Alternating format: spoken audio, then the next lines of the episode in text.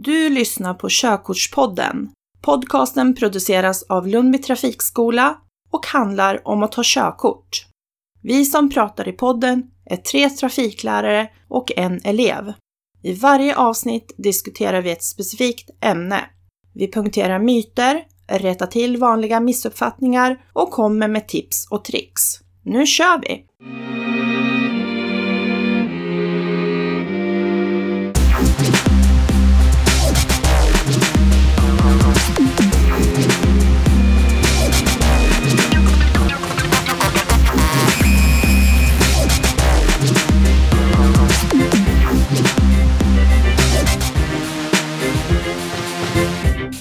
Hej och välkommen till det andra avsnittet av Körkortspodden. Den produceras av Lundby Trafikskola. Jag heter Jakob Svärd och håller på att ta körkort här efter många års väntande. Tillsammans med mig idag så sitter Malin Elin och Nina Mehtälä!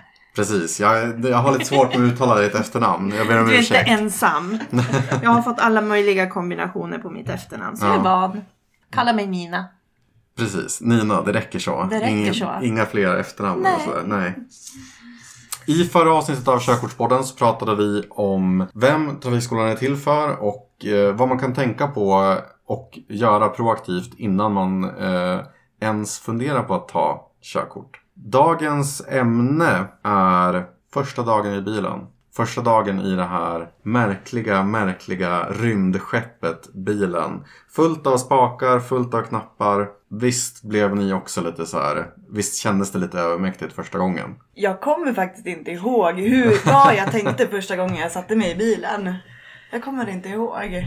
Det var så länge sedan. Alltså, det tog ju i början på 90-talet. Det fanns inte lika mycket I lampor. början på och- 1900-talet så tog ni körkort. 1900 eller hur? Ja. 90-talet Ja. min vän. Eh, nej men bilarna nu idag, de är ju, eller när jag tog körkort såg de väl ungefär ut som de gör idag. Mm. Kan jag tänka mig. Men nu det är ju väldigt mycket knappar. Mm. Det är ju det. Om man kollar på ratten bara. Det är ju massa knappar på den också med farthållare för att ställa in ljudet i stereon och det är mycket grejer.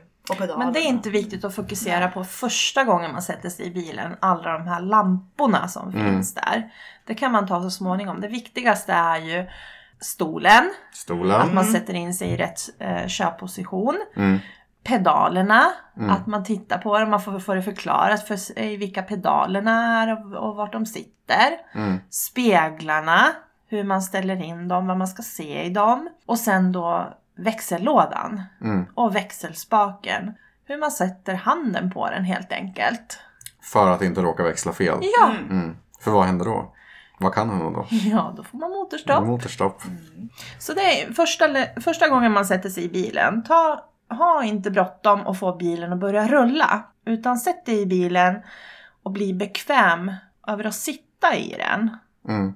Och göra dig liksom hemmastad. Känna att, ja, men, att det börjar kännas bekvämt att sitta. Mm. Andas. Precis. Sen kan man starta bilnyckeln. Mm.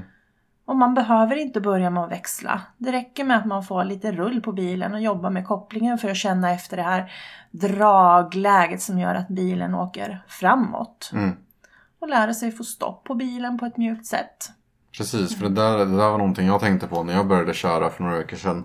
Det var ju liksom att, att, nej men att, att det, det är en så ny och eh, liksom märklig miljö på något sätt. Man har ju cyklat och man har gått och sånt där. Men det går inte riktigt att jämföra med att sitta i en stor plåtbil liksom som eh, du, du kallade för mordvapnet tidigare i Ja. förra podden. Det är, liksom, det är ändå res, en respektingivande liksom, upplevelse första gången när man sätter sig där och känner att med liksom mina fötter och mina händer och mina viljekraft liksom, så kan jag få det här tontunga fordonet att röra på sig. Liksom. Det, det, man, man fattar ju direkt att det är någonting som är allvarligt. Liksom. Och det är ju det liksom vi vill försöka lösa och tala om för eleverna att det viktiga är ju att det är vi som kommer ha kontrollen. Alltså vi som sitter bakom ratten, föraren, eleven. Mm. Att det är den som ska ha kontrollen över bilen, inte bilen som ska ha kontrollen Inte över tvärtom. Nej, för det är så det ofta känns i början. Att Mm. oj, oj, oj, nu sticker bilen iväg. Jag har ingen kontroll. Vad ska jag göra? Nej, men det är det vi ska träna på i början innan vi beger oss ut på vägen bland Mm. de andra trafikanterna. Mm. Var ute på en stor parkeringsplats. Öva, starta, stanna. Se till att du har kontroll på bilen. Mm. Annars vet man inte vad som händer ute på vägen. Nej men precis. Så det, det är det första steget i alla Absolut. Mm. körkortsutbildningar. Mm. Mm. Ja, det är ju så. här, Alltid första lektionen, det går bara ut på att man ska känna sig trygg bakom ratten. Mm. Mm. Få in rätt körställning. För det är inte, alltså bara det här ställa in stolen. Mm. Det är inte så lätt att få en bra körställning. För det många vill göra, det är maxa ryggstödet så att man sitter som, som en pinne. Mm. Man, man vill sitta så nära fönsterrutan som möjligt. Ja men precis, där kände jag själv. Alltså, Ja. så här, jag, jag fick ju lära mig då i början att, att man ska ha en mer tillbakalutad körställning. Liksom. Att man ska sitta en bit från ratten, inte minst för att airbagen inte ska komma och boxa en i Mm. ansiktet om det sker en olycka mot förmodan. Det är ju, det är ju någonting av det första man får lära sig. Men det, det känns samtidigt som att det är extremt mycket enklare sagt än gjort. Jag kände under mina första fem lektioner att jag liksom höknackade, så här, gamnackade fram och hade näsan nästan vid ratten. Liksom, för att jag tänkte mig liksom att jag skulle se bättre liksom, det som var Och- nära bilen. Ja, där måste ju handledaren och, och eh, läraren vara på och säga att man måste Mm. vara avslappnad och sitta. För det har också med avsökningen att göra. Precis Mm. som du sa, du tror att du kommer se mycket bättre när du sitter långt fram. Men det är ju så att blicken kommer falla neråt. Mm. Och du kommer ha en kort avsökning. Det kanske man inte märker där på parkeringsplatsen men det kommer man märka när man kommer ut i trafiken och får upp hastigheten lite grann. Mm. Och då kommer man inte hinna göra alla avsökningar Det som behövs. Precis, och sen, sen, sen när man sätter sig i bilen då är det ju då är det i regel enklare att vara tillbakalutad alldeles i början av körkortsutbildningen. För då sätter man sig ner och sitter bekvämt. Ställer in speglarna, också ett tidigt moment. Och sen så gamnackar man, sätter näsan mot ratten. Och så ser man ingenting i speglarna längre. För att man har ställt in dem från när man satt tillbakalutad. Ja, men liksom. Mm. Det är i alla fall någonting som jag har behövt jobba en del med. Men jag tänker så här. Att sätta sig i bilen första gången, som vi pratade om på 90-talet, i början av 90-talet. Ja. Eh, det har ändå förändrats en del sen Oh, dess. ja. Precis som i resten av samhället så eh, har vi inte längre stora yuppie-nallar utan vi sitter med smartphones som vi kan göra allt från att liksom beställa nya kläder till att boka semesterresan till att eh, boka en eh, trafikskolelektion eller eh, gå in på elevcentralen och eh, testa sig själv. Mm. Det har hänt mycket i och med di- digitaliseringen och det ser man ju inte minst i dagens bilar. När man tittar på allt ifrån backkameror till eh, växlingspilar som visar när man ska växla. Eh, Automatisk parkering. automatisk Mm. parkering, eh, backsensorer. Data vinkelvarnare. Ja. Vad är det för någonting? Ja, data, jag gillar inte såna här saker egentligen. Jag vill Nej. stänga av alla sådana funktioner.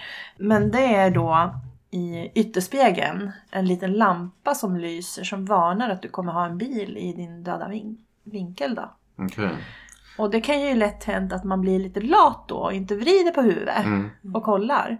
Så att sådana funktioner på bilen, ja det är på både gott och ont. För Mm. att jag tror att man blir väldigt lat. Men det, men det känner man, det känner, jag har, har jag känt under min körkortsutbildning. att Man blir lat. Jag har övningskört tillsammans med Malin och eh, vi har kört en modern Kia. Är det en Ceed kanske? Mm. Ja, en Kid. Där det finns såna här backkameror och det finns, eh, det finns såna här... Eh, Malin, de får du stänga av. Nej jag skojar bara. Nej, men, och, det, och det finns eh, såna här växlingspilar som visar när det är lämpligt att lägga in ny växel och sånt där. Men det sa ju inte du till mig. Nej, jag säger aldrig det. Men sen efter ja, men ett x antal lektioner, Mm. då brukar eleven säga Men du, den säger ju till när jag ska växla. Då har du kommit på det. Mm. Men då har ju, som när du kom på det, Mm. då hade ju du lärt dig. När kom jag på det? Kanske efter fem, fjärde, femte lektionen och sånt. Ja, jag vet. Men då hade du ändå liksom börjat förstått grejen Mm. när du skulle göra det. Så då var ju inte de där växlingspilarna till någon, någon vidare hjälp. Nej men precis, och jag förstod ju ändå instinktivt meningen med att du hade dolt det här för mig. Ja. För det, det som hände var ju att Okej, jag fick den här digitala displayen som säger åt mig att ja, nu kan jag lägga i trean, nu kan jag lägga i fyran. Eh, men jag hade ju redan lärt mig känna hur det känns i kroppen, hur det känns i bilen när Det den är vill ha jättebra nu, för liksom. det, det är många som har svårt att just känna vad vill bilen? För bilen pratar ju faktiskt med oss med, med olika ljud. Mm. Och den känns på olika sätt. Ibland börjar den vibrera. Uh, lite burrigt sådär. Ja men då talar de om att nu har du lite för hög växel till den här hastigheten. Nu är det dags att växla ner. Och börjar det låta lite ljusare. Ja men då är det dags att växla upp. Så det gäller att lyssna på Bettan vad hon säger. Ja, och då skulle ju motargumentet till det kunna vara att bilen eh, faktiskt pratar med en genom de här växlingspilarna. Men det jag har märkt, eller det är bara min upplevelse, är att den inte alls, den här pilen, den här digitala displayen, den är inte alls lika exakt som, som ens känsla för när det är dags att lägga in ny växel. Det går att optimera växlandet på ett annat sätt om man struntar i den där pilen. Ja, men sen är det ju också som så, följer du dem till punkt och pricka. Jag menar, bilen vet ju inte vad som finns framför dig. Nej, den är ju dum, även fast den är smart. Ja, Ja, jag menar du, kan, du kanske håller på och släpper lite grann på gasen för att du vill anpassa hastigheten mot en korsning och så säger den där pilen växla upp. Och Mm. Följer man den då slaviskt då blir det ju helt fel. Mm. Är, det, är det faran, finns det någon fara i det där med att bilarna blir mer moderna och blir mer som smartphones liksom? Ja men det är ju ifall eh, man förlitar sig för mycket på tekniken. Mm. Som vi var inne på det här med döda vinkelvarnarna. Mm. Att man bara kollar den här varnaren. Man, man struntar i att titta själv och sen en dag då fungerar inte de där. Mm. Och sen har man en bil i döda vinkeln. Då kommer det ju smälla. Backkameran också, den har ju inte vidvinkel. Mm. Nej. Utan den visar ju bakåt, visar ju inte vad som händer på sidorna. Sitter du bara och tittar på skärmen så kan du ju missa saker som händer Mm. vid sidan av bilen. Mm. Och sen också det här med backsensorer. Det är ju som, jag är ju van att köra den här Kian som har backsensorer. Mm. Men det man ska komma ihåg, det är inte alla bilar som har det. Mm. Så när jag ska köra en annan bil. jag är ju så van vid att jag har det här pipet så jag sitter ju självklart och tittar bak. Men så märker jag bara fan nära jag kommer. Varför piper det? Sen kommer jag ju på att jag har ju ingen backsensor Mm. på den här bilen. Så att man måste ju lära sig att titta. Man kan ju inte bara förlita sig på, på de här hjälpsystemen då som finns. För att det är inte alla bilar. Men har det blivit lättare att manövrera en bil de senaste 10-15 åren? Ja, Ja, alltså de, de är ju säkrare bilarna. Mm. Det finns ju massa olika säkerhetssystem så att det ska vara så Ja men hjälpa oss på vägen. Mm. Som till exempel antisladdsystemet. Mm. Är det halt ute, vi är på väg att få en sladd. Ja men då går det här systemet in och hjälper oss att, att rätta till bilen. Mm. Eh, så absolut. Jag hade en gammal Toyota 77 Mm. som jag sålde för några år sedan. Den hade ju ingen servostyrning. Mm. Så att, eh, Vilket innebär att man måste liksom dra ja men du får ju jobba med Ja. musklerna. Mm. Mm. Så att, eh, Styrketräning Ja men verkligen. Den hade bara fyra växlar så att kom man ut på motorvägen också så lät det ju väldigt, väldigt högt. Så att Mm. det är ju en fördel också med de bilarna. Man kör ju inte speciellt fort. För att det låter väldigt mycket. Mm. Men de är ju inte trafiksäkra. Jag skulle ju inte vilja eh, krocka i den. Mm. Precis, den här, den här utvecklingen eh, av, av bilen som produkt, eller vad man ska säga, den är ju bra. Men det är av andra skäl som trafiklärare. Ni som trafiklärare kommer väl antagligen inte att liksom börja lära ut, ja men nu, nu låter backsensorn eller nu, nu piper döda vinkelvarnaren. Utan det är ju någonting som, som man alltid kommer att ha nytta av, att kunna de sakerna själv. Att kunna utföra de kontrollerna själv. Ja. Ja, det är ju som de här systemen, de finns ju som en hjälp. Men jag säger ju aldrig att ja, men nu, har vi, nu tittar vi i backkameran här för att se vad vi har bakom oss. Utan jag vill ju att eleven tittar med sina egna ögon för att Mm. kunna se vad, vad finns här runt omkring. Mm. För att vi kan inte bara ta hjälp Du av har, systemen. hjälp, nej, hjälpmedlen liksom i bilen, de har du till din stöd. Mm. Mm. Men du kan inte bara förlita dig på dem. Går För då kan det bli hjälpmedel Ja, istället. precis. Men jag, jag tänker på det här med manövreringen av bilen. För det är det första som man som eh, trafikskoleelev eh, kommer i kontakt med när det kommer till det praktiska. Liksom, att lära sig Ratta? hantera. Ja, att ratta en Ja. bil. Att, att pedala en bil. Vad är, liksom, vad är de vanligaste misstagen när man ska framföra en bil? Är det, är det, är det kopplingen? Det är kopplingen. Ja. Och känsla. Det här när du startar en bil. Drag, dragläget då. Det räcker inte med förnuft, man måste ha känsla också. Känsla, känsla av bilkörning. Mm. Det är det. Kör man med en person som inte har någon känsla, det blir jättesvårt. Och så Mm. det här bilspråket vi var inne på innan. Mm. Det finns de som inte hör. Ja, men de hör inte ifall bilen låter så här. Mm. Utan de tror att allting är frid och fröjd. Mm. Det blir mycket svårare då för de personerna att lära sig köra bil. Mm. Mm. Men är, är den här känslan någonting man föds med eller någonting man kan skaffa sig? Ehm, vissa har ju känslan medfött. andra, de har det ju inte med sig från början. Så det, det går ju att lära sig. Mm. Men det tar ju längre tid. Mm. Absolut. Sen finns det de som inte kan lära sig Nej. det. Mm. Tyvärr. Tyvärr. Vad, vad gör man då? Lägger man ner sin bilkörarkarriär eller? Ja, jag har ju haft några elever där jag har fått faktiskt tala om för dem att det kan vara så att man, du kommer aldrig kunna ta ditt körkort. Eller så kommer det ta väldigt, väldigt lång tid och kosta väldigt mycket pengar. Mm. Och det är då upp till eleven att göra den bedömningen om man vill fortsätta eller inte fortsätta. Jag har haft elever som jag har kört med fem år Mm. och vi har tragglat och gjort och till slut, nej det går inte.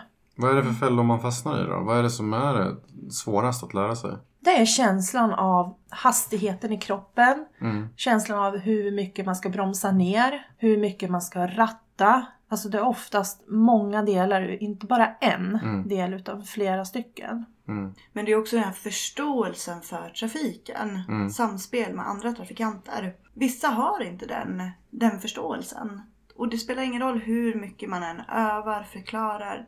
Det går inte in. Mm. Mm. Men det, det är liksom som, du menar att det är som en rytm som man måste Ja. förstå Ja. liksom i det. kroppen på något sätt. Nej, men för jag har ju känt av under min uh, övningskörningsfas nu på några veckor bara att i början så var det så här man kom till en fyrvägskorsning med signaler liksom. Och man känner sig som att man har blivit liksom inskickad i världens kaosigaste lilla gryta liksom. Men eh, man fattar ingenting. Man bara, nu är det grönt här och det är grönt där borta. Det kommer några kör ut. Jag skulle ju ut. Vad händer liksom? Men att det är liksom med tiden, ganska snabbt sådär, så, så ser man det. Det är, det är en dans. Liksom. Det är ett samspel liksom. Ja, Mm, det är det. Och det är ju samma sak när man ska föra bilen framåt. För att det är ju många delar som man ska göra samtidigt. Mm. Som när man ska växla till exempel. Då måste man ju ja, släppa gasen, trycka ner kopplingen, eh, Mm. ja, bromsa också då. Eh, och sen samtidigt som man gör det, då ska man röra högerhanden och lägga i den växel man vill ha. Och Mm. samtidigt titta och sen styra bilen. Mm. Det är inte bara en sak man koncentrerar sig på, det är många, många saker samtidigt. Och få in den här ja, men känslan i kroppen. Det är som att dansa nästan. ja. Och en del elever så rekommenderar vi då när vi märker att det, det här funkar inte. Att prova automat. Mm. Mm. För Precis. då slipper du många moment där inne Mm. i bilen. Utan då har du gasen och du har bromsen och du kan koncentrera dig på trafiken. För jag, jag har ju testat nu att köra manuell bil under ett tag och det är ju lite mäckigt, det är lite krångligt i början. Men det, det, det funkar ju liksom. Det, det är en, eh, Man kommer på hur det fungerar. ja, det är en eh, inlärningsprocess och sen så eh, känner jag redan nu efter två, tre veckor att, att jag tänker inte längre på hur man växlar eller hur man frikopplar. Man bara gör det. Och Ja, det, är- det är det man vill nå upp till, att det sker automatiskt. Mm. Att man inte ska behöva tänka varje gång att nu trycker jag ner kopplingen, nu lägger jag Mm. i den växeln. Utan man bara gör det. Mm. Men jag tänker idag då, 2017, man känner ju på något sätt att det hörs ju på namnet, det hörs ju på året att vi befinner oss i framtiden liksom. Eh, och det är väl en ganska rimlig eh, bedömning att tänka sig att i framtiden, ännu längre fram i framtiden, så kommer vi att köra automatbil, stämmer det? Ja, Mm. och självkörande bilar. Ja. De börjar ju komma Mm. på test och Men det är det vär- värsta konkurrenten kanske? Ja, jag kan faktiskt inte se så långt i framtiden som att det skulle finnas bara självkörande bilar. Jag- För mig låter det helt absurt. Mm. Men automat, det är absolut de flesta ny, nytillverkade bilar nu. Det blir ju, det blir ju mer och mer Det automatbilar. finns ingen anledning att hålla på och växla egentligen Mm. om man inte har... Och det säger ni till mig nu! Ja, men Nej, men... har man inga problem att lära sig växling så är det ju bra att ta för manuell bil. För Mm. då kan du ju köra både och senare. Men tar du för automat då har du den begränsningen att du bara får köra automatbilar. Mm. Men ungdomar som kommer, det finns ingen anledning för deras inlärningsprocess att välja automat. För att det finns då studier som visar på att eh, inlärningen bland ungdomar, om man jämför med manuell och automatbilar, så går den lika fort. Mm. Men däremot när man blir äldre så då underlättar det när man tar den här automatkörkortet. Och har man då inte en bil hemma som är manuell och man inte är tvingad på grund av jobbet att det är manuella bilar där. Mm. Då finns det egentligen ingen anledning att hålla på och traggla med växlingen. En sån här klassisk sak som jag har hört under mitt liv i alla fall. Det är ju eh, människor som, eh, som har försvarat den manuella växellådan genom att hävda att det är liksom tråkigare att köra bil med automat, att det är liksom en, en roligare utmaning med liksom att växla samtidigt. Så tyckte jag förut. Mm. Jag kunde inte se framför mig att jag skulle någon gång eh, överväga att köpa en eh, automatbil istället för manuell. För det är mycket roligare att växla. Mm. Men där har jag ändrat inställning. Jag tycker att det är mycket bekvämare att köra automatbil. Och eh, det gör också att det, det blir inte lika mycket skador på bilen. Alltså du har ingen växellåda som du kan paja på det sättet. Mm. Och eh, sen är det också så att automatbilarna de, de drar inte eh, mer bränsle än manuella bilar. Mm. Så att eh, det finns egentligen inga, inga argument för att inte köra automat förutom det jag nämnde tidigare. Mm. Nej, för jag märkte det där, mm, vi, jag, jag körde ju hem oss igår efter vi hade genomgått eh, riskettan. Eh, och testade då att köra automat för första gången i mitt liv. Eh, och det var ju en dröm jämfört med att köra en manuell bil på så många sätt. Liksom. Jag tänker framförallt under om man, om man bor i stan, jobbar i stan och åker i stan. Så måste ju stadskörning framförallt vara oerhört mycket enklare med en automatbil. Ja men absolut. Mm. Ja men det vet man ju själv när man fastnar i köer och Mm. har manuell bil och man ska sitta med kopplingen. Mm. Benet efter ett tag, alltså det är, skakar ju för att det är ju så trött. Mm. Ja, kör man då däremot automat. Ja. Gas och broms. Ja, Mm. precis. Så att kör man mycket in i stan och man vet att det är ja, men mycket krypkörning, köer och så vidare. Mm. Automat förenklar ju. Men den som lyssnar på den här podden eh, har ju nu fått intrycket av att automat är, Nej, det är grejen. bäst. Liksom. Ja, men precis. Men eh, det är kanske att förenkla det lite. Är det, eh, vad skulle du vilja rekommendera någon som ska ta körkort? Är det fortfarande manuellt som man ska sikta på i första hand? Innan? Men automat kommer mer och mer och den försäljningen utav automatväxlade bilar ökar hela tiden. Mm. Har du inte behov av att köra en manuell bil, ta för automat. Men är du ung, ungdom, du kanske behöver låna någons bil, någon, du kanske inte har en egen bil. Mm. Ta manuell. Mm. Det är en, det är en eh, friare frihet än Ja. ett automatkörkort. För att är du 18 så kanske du inte har pengar att kunna köpa en egen bil utan lånar eh, bil utav mamma pappa eller släktingar eller kompisar. Kanske behöver skjutsa på träning och turas om att köra. Mm. Då vet du ju inte om det är en automat eller manuell. Finns det inte några inbakade faror i det där? Att man kan, är det inte enklare att bli fartblind eller något sånt där liksom, när man kör automat? Nej, Det är inte det? nej. Jag tänkte mig att växellådan skulle, på något sätt skulle funka som en så här, eh, reality check. Att man vet liksom var man ligger någonstans i Nej. fart. Tyckte du det när du körde igår? Ja, ja men lite när vi skulle över det där guppet eh, inom cityringen så, så visste jag inte exakt. Jag brukar ju lägga i tvåan och glida över. Och så visste jag inte instinktivt hur mycket jag skulle sänka riktigt. Där kommer ju känslan in och Ja, kunna precis. känna hur fort kommer jag i olika Mm, situationer. precis, det, det är den berömda känslan. Det är, inte, det är inte avgörande om man har en automat eller Nej. manuell. Malin, Mm. om man, inte, om man inte har turen att tillbringa hela sin körkortsutbildning hos er, alltså en trafikskola. Eh, vad ska man tänka på när man övningskör privat? Vad är viktigast? Det viktigaste det är ju att börja i rätt ordning. Mm. Det är när jag har de här introduktionskurserna då är jag jättenoga med att gå igenom vart man börjar någonstans. Mm. Vilken del. För att det är många gånger jag har fått nya elever som har kört mycket hemma. Mm. Och så frågar jag vad, vad har ni gjort för någonting? Vart har ni kört? och då säger de att ja, vi var ute på landsväg och motorväg. Och så säger jag okej. Och sen så åker vi iväg. Och jag märker att manövreringsbiten, alltså styrning, gasbroms, bara den här placeringen av bilen på vägen. Det är ju det är inte klart någonstans utan vi är på väg ut utanför vägen flera gånger. Mm. Och då tänker man okej, de har varit ute och kört motorväg och landsväg, alltså i uppemot hastigheter på 110 km i timmen Mm. med de här manövreringskunskaperna. Det hade ju kunnat gått så illa. Mm. Men det många tänker när de kör, kör hemma, det är ju det här att landsväg, motorväg, det är så enkelt för att det är bara, det är bara rakt fram. Men man tänker inte på farorna som finns och det är ju hastigheten. Mm. Det är ju fortare vi kör, desto farligare blir det. Ja men om det händer någonting Mm. liksom framför så du behöver reagera. Du Ja. har ingen aning, du har ju inte lärt dig. Du kanske tar fel pedal Mm, i ren exakt. panik.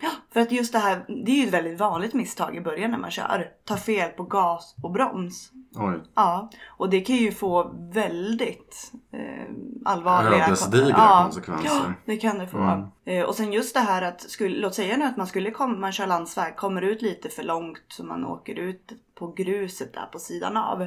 Man har inte kunskaperna för hur mycket man ska ta i ratten när man ska upp på vägen igen. För det är ju skillnad om man kör i 30 och man kör i 90 Mm. på rattningen. Ja men det märkte jag verkligen. Jag körde min första motorväg häromdagen och eh, kom upp i 100 km i timmen för första gången. Och eh, rattade ungefär som jag brukar göra när jag kör stadskörning liksom i, i 30-50 km i timmen. Och jag märkte bara hur bilen så här Mm. hoppade av en liten, alltså i, i mitt tycke liten hand, handrörelse liksom. Mm. Men det förändras så mycket med farten alltså. Exakt. Mm. Så att det vanligaste misstaget är att de börjar i helt fel riktning. Mm. Så när man kör hemma, börja i rätt ordning. Och på lugnt På område. lugnt område, jag välj rätt område. Första gången ni ska köra, var inte ute i trafiken. Var på en parkeringsplats. Mm. Och sen bygger ni på sakta. Ju bättre det känns, ja men då kan man ju testa mm, lite större områden. Mm. Lite bilar runt omkring. Men inte att man bara slänger sig ut. Bara, ah, okej första gången vi ska ut och köra, vi tar 66an. Mm. Ja, landsväg. Om man som privat handledare lyssnar på det här. Mm. Vad ska man tänka på? Hur ska man liksom eh, göra den här övningskörningen, den privata övningskörningen enklare för både sig själv och den elev man är tänkt att handleda? Handledarboken är ju jättebra instrument eh, som man får när man går en handledarkurs. Mm. Som man får läsa på. Eh, fräscha upp kunskaperna, trafikregler, Mm. kunskaper ute i trafiken. Och försök att sätta dig in i situationen om du skulle vara en elev. Mm. Hur gör du för att ta bilen framåt? Och det är inte det lättaste att försöka förklara det. Mm. Men det är det man måste göra. Man måste riktigt gå ner i basic Mm. första gången. Och när man ska lära någon annan att göra det. För jag tänker en sån här, en, sån klassisk eh, grej som kan hända när man även kör privat, till exempel med sina föräldrar eller sådär.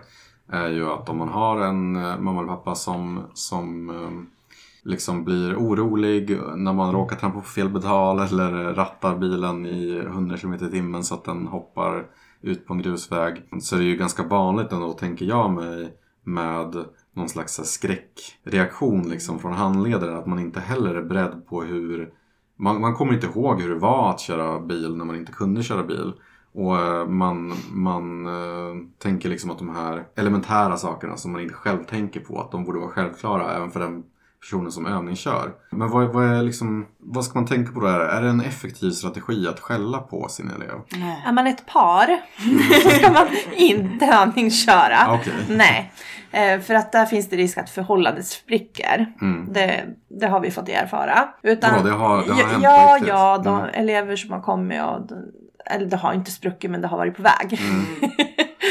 så att eh, skicka eleven då till oss så hjälper vi till och eh, Utan att det tär på ja, förhållandet. ja. Ja men det är ju så här när man ska övningsköra hemma. Mm. Det många handledare inte tänker på det är ju att det är inte så lätt att köra bil för att för handledaren då är det så självklart allting man Mm. gör. Man har gjort det i många år, man vet hur man ska göra.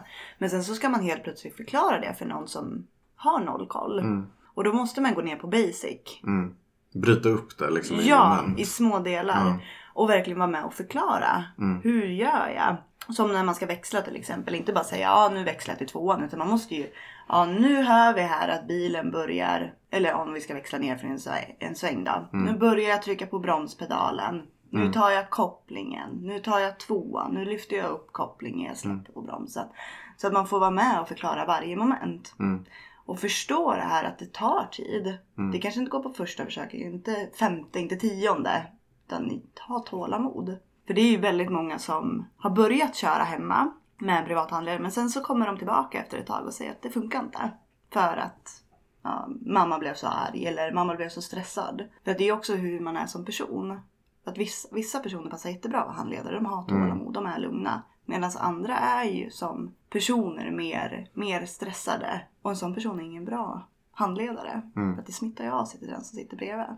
Kan man underlätta den här processen på, något sätt genom att, att utrusta sin bil på ett bättre Mm. sätt för övningskörning? För jag tänker när jag kom till trafikskola och började övningsköra så kändes det som en jättestor trygghet att bara veta att handledaren, alltså du, Mm.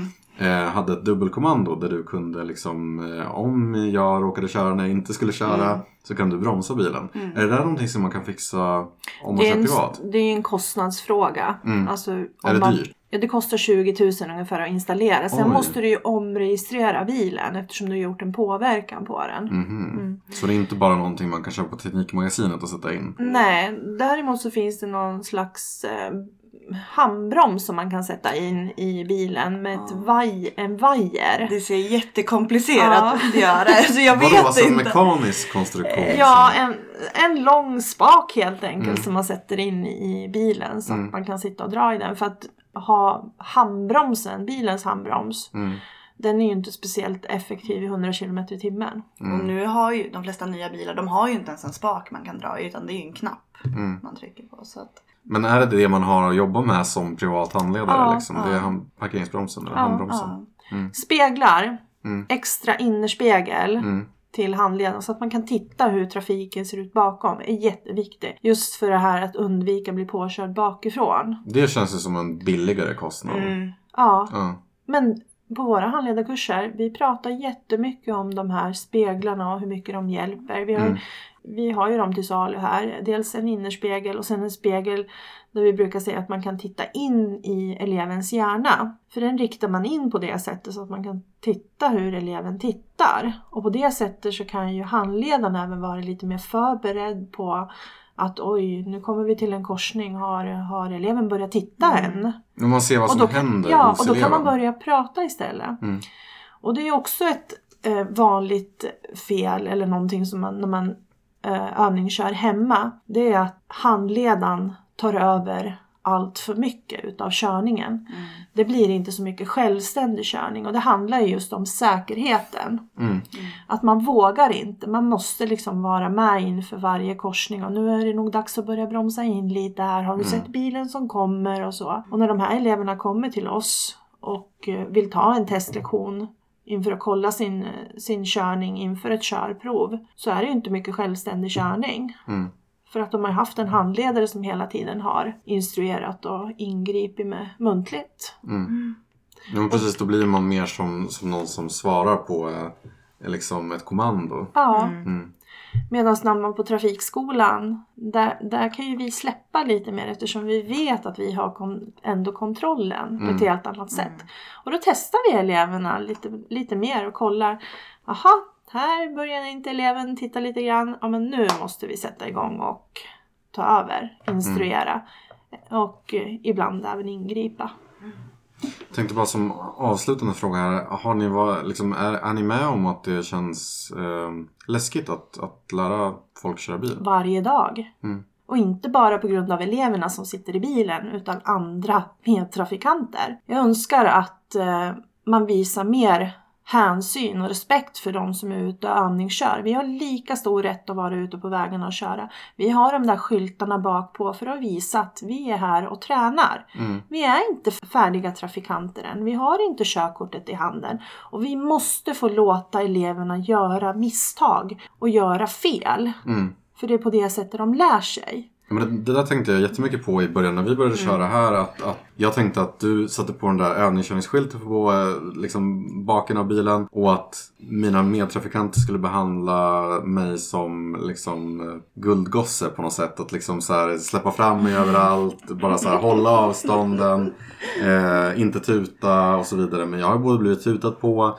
Folk har kört jätte, jättenära i höga hastigheter. Hur känns det då för dig? Eh, det känns ju superrespektlöst Mm. liksom. Alltså, Underlättar det din inlärning? verkligen inte. Nej. Jag blir bara skitstressad och gör fel. Ja. Och får motorstopp. Och det där, jag tycker att det är så korkat på flera olika sätt. För det är liksom, jag tänker att om, om man som van trafikant liksom häcklar eller kör i kapp en övningskörare Mm. och trycker på farten liksom. Alltså, tänk själva. Vad är sannolikheten för att den övningsköraren får motors, ett plötsligt motorstopp eller liksom råkar bromsa av nervositet Mm. eller sådär.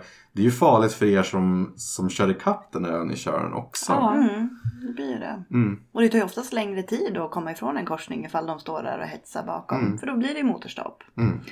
Det är många glömmer när de väl har fått körkortet. Då Mm. tror de att de är ja, men master. De, de är bäst på att köra. Men alla har ju varit här i början. Mm. Alla har tragglat på ja, men med dragläget och första växlingen. Men det förtränger man. Ja men precis, jag, jag har läst lite så här olika eh, forum och sånt där på internet där folk eh, Vissa röster menar att, att det liksom är som en rolig sport. Liksom att, att eh, tuta på övningskörare. Nej, liksom, skojar du? Nej, Ja, det är vilken sant. blogg är det? Vad var inte det nu? Jävlar! Nej men man, man ser det som någon slags så här eh, rite of passage. Alltså att det är någon slags så här eh, ritual där, där vana trafikanter ska liksom. Det är som en nollning. De ser det på det som en nollningsprocess liksom. Att man ska liksom. eh, Men det är ju fruktansvärt. Mm. Ja, och det, och det där, då, även fast man har körkort så då, då tar man verkligen inte riskerna på tillräckligt stort allvar. Jag vill ju knappt säga det men när man hamnar i en sån här situation där eleven får motorstopp och bilen bakom börjar tuta Mm. och vi får motorstopp och bilen tutar ännu mer. Mm. Jag har lust att bara gå och klappa till den. Mm. Det kan jag ju inte göra, knappt så jag får säga det men alltså det hjälper ju inte. Nej. Nej. Nej, men Håll lugnet, ja, håll och Det avstånd. jag märker oftast när det blir så här sura miner eller någonting. Mm. För jag har varit med om det främst på parkeringsplatser. För Okej. att det är folk, de, de verkar tro att bara för att vi övningskör, då ska inte vi få öva på vanliga parkeringsplatser. Men var ska vi vara då? Mhm. Ja, vi har inget annat ställe att vara på. Mm. Ehm, men så fort jag hör då att någon börjar muttra och sen drar jag ner rutan och ska prata med den personen. Mm. Då Då, då kutar den därifrån. så att de vågar ju inte konfrontera. Nej. Utan De, är- de de är går- tuff bakom tutan. Ja men Ja. precis. Men så fort man ska prata med den.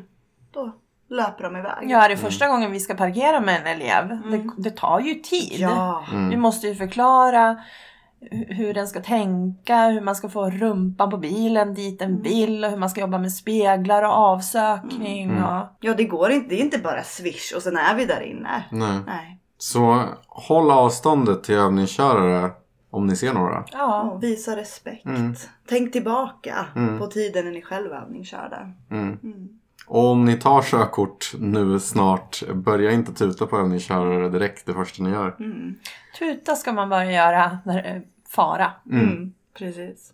I nästa avsnitt av Körkortspodden så kommer vi gå in mer på det här med vikten av själva teorin.